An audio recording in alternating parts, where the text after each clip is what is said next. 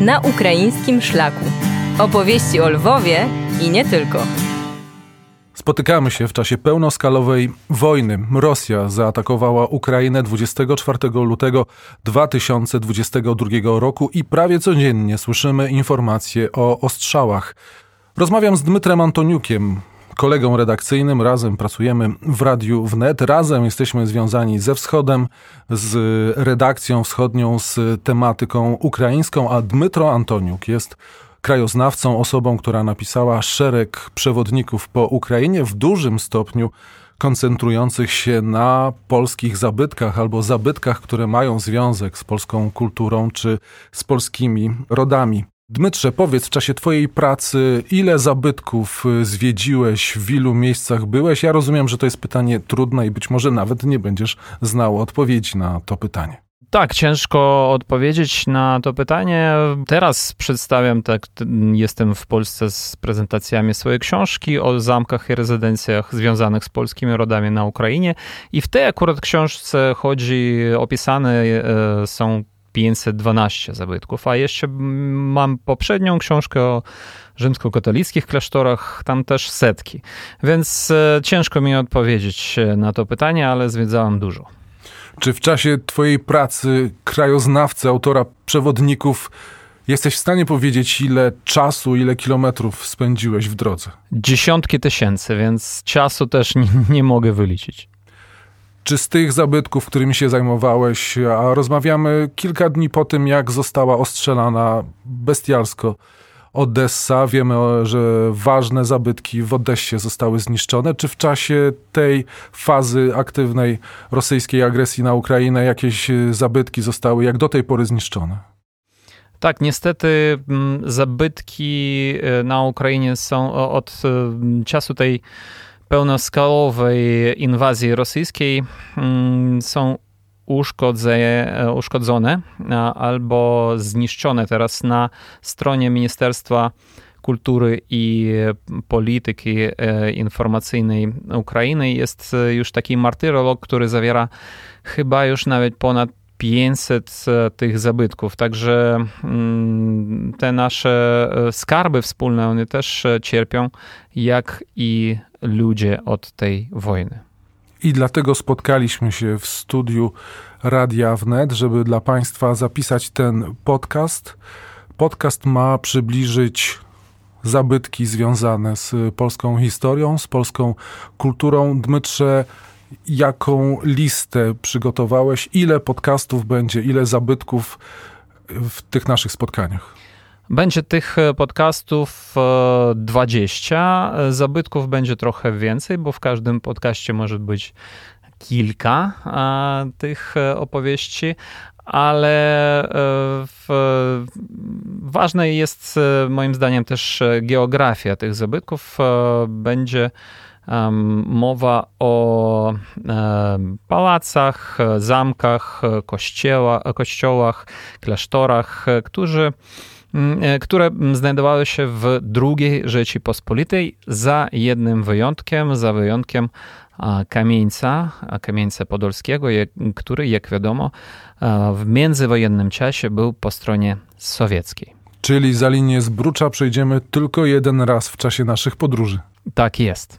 A zatem rozpoczynamy serię naszych podcastów jako pierwsze Brzeżany.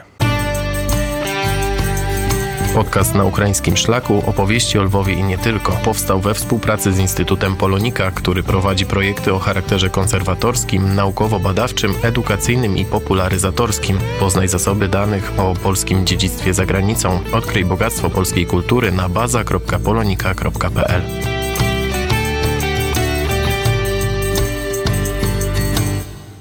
Te podcasty powstają po to, żeby przybliżyć naszym słuchaczom polskie zabytki na Ukrainie w czasie agresji rosyjskiej na to państwo. Nie znamy dnia ani godziny. W każdej chwili któryś z nich może zniknąć, dlatego chcemy je Państwu przybliżyć.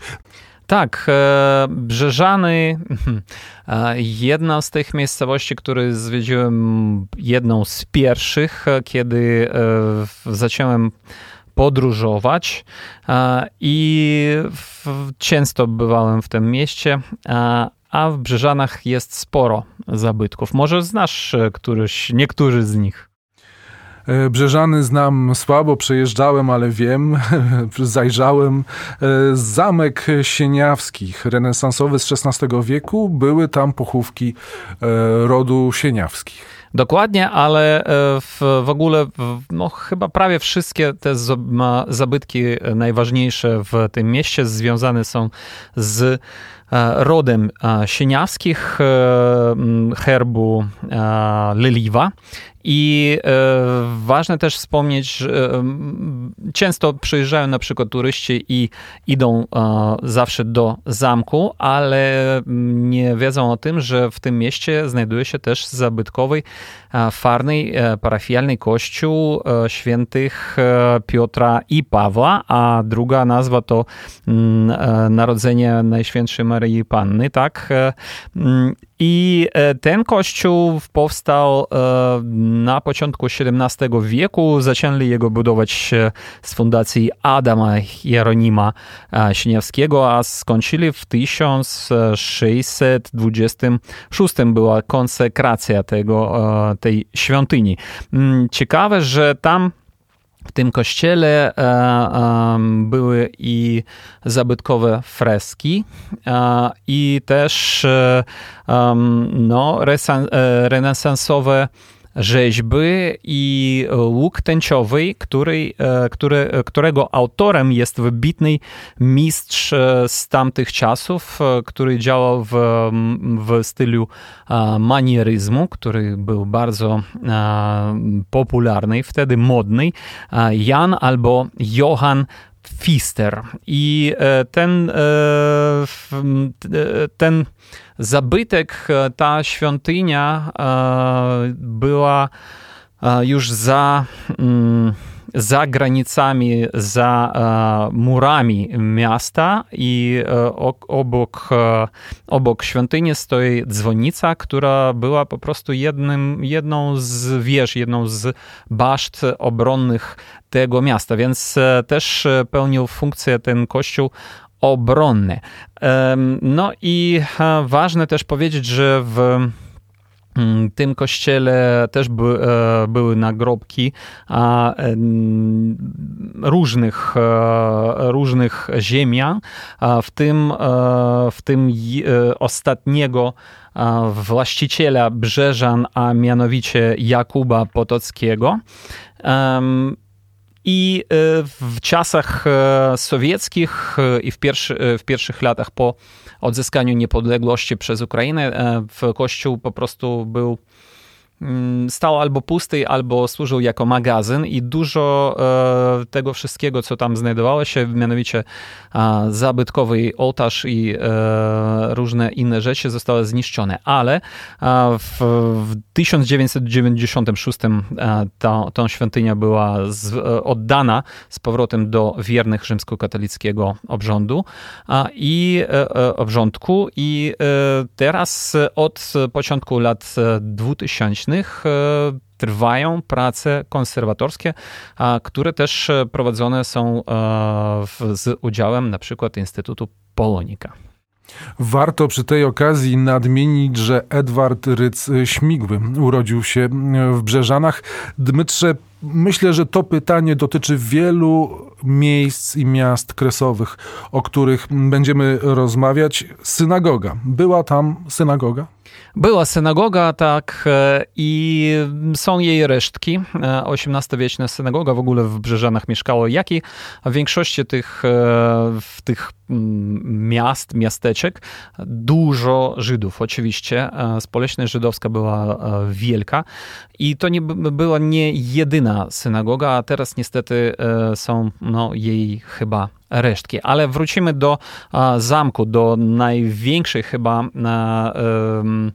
atrakcji e, Brzeżan. Zamek został z, e, z, założony i zbudowany przez wielkiego koronnego hetmana Mikołaja Sieniawskiego. I e, ciekawe, że niektórzy z e, historyków mówią, że on nigdy nie został zdobyty przez nikogo, a na przykład e, w Ma Maurycy Maciszewski mówi, że nie. W 1648 roku e, kozacy Maksyma Krywanosa według zdrady e, w załogi tego zamku by, e, wdarli się do zamku, a dalej jeszcze to powtórzyli Szwedzi podczas wielkiego potopu tak, szwedzkiego. Ale najważniejsze, najważniejszym zabytkiem tego tego zamku jest, jest E, e, kaplica Sieniawskich e, Świętej Trójcy. Ona jest nawet większa od kaplicy Boimów w Lwowie i ona jest renesansowa, po prostu przepiękna. My możemy zobaczyć teraz chyba tylko zdjęcia z czasów międzywojennych albo przed jeszcze pierwszą wojną światową, bo zamek był w, podczas tej wojny światowej bardzo uszkodzony.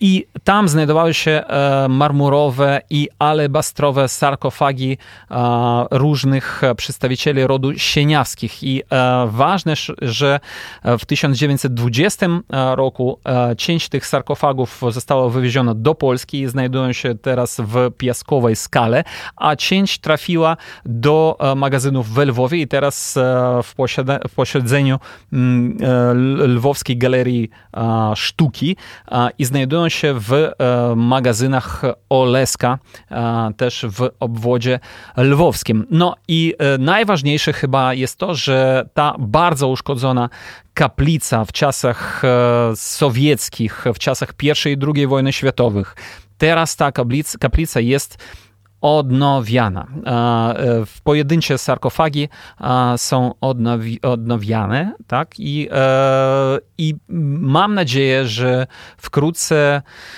no albo za jakiś czas e, ten zamek już e, całkowicie będzie mm, no, w, w lepszym stanie, bo e, od dwa, 2001 roku działa tam państwowy rezerwat historyko-architektonicznej. Dmytro Antoniuk opowiadał o zabytkach, a ja nazywam się Wojciech Jankowski. Na ukraińskim szlaku. Opowieści o Lwowie i nie tylko.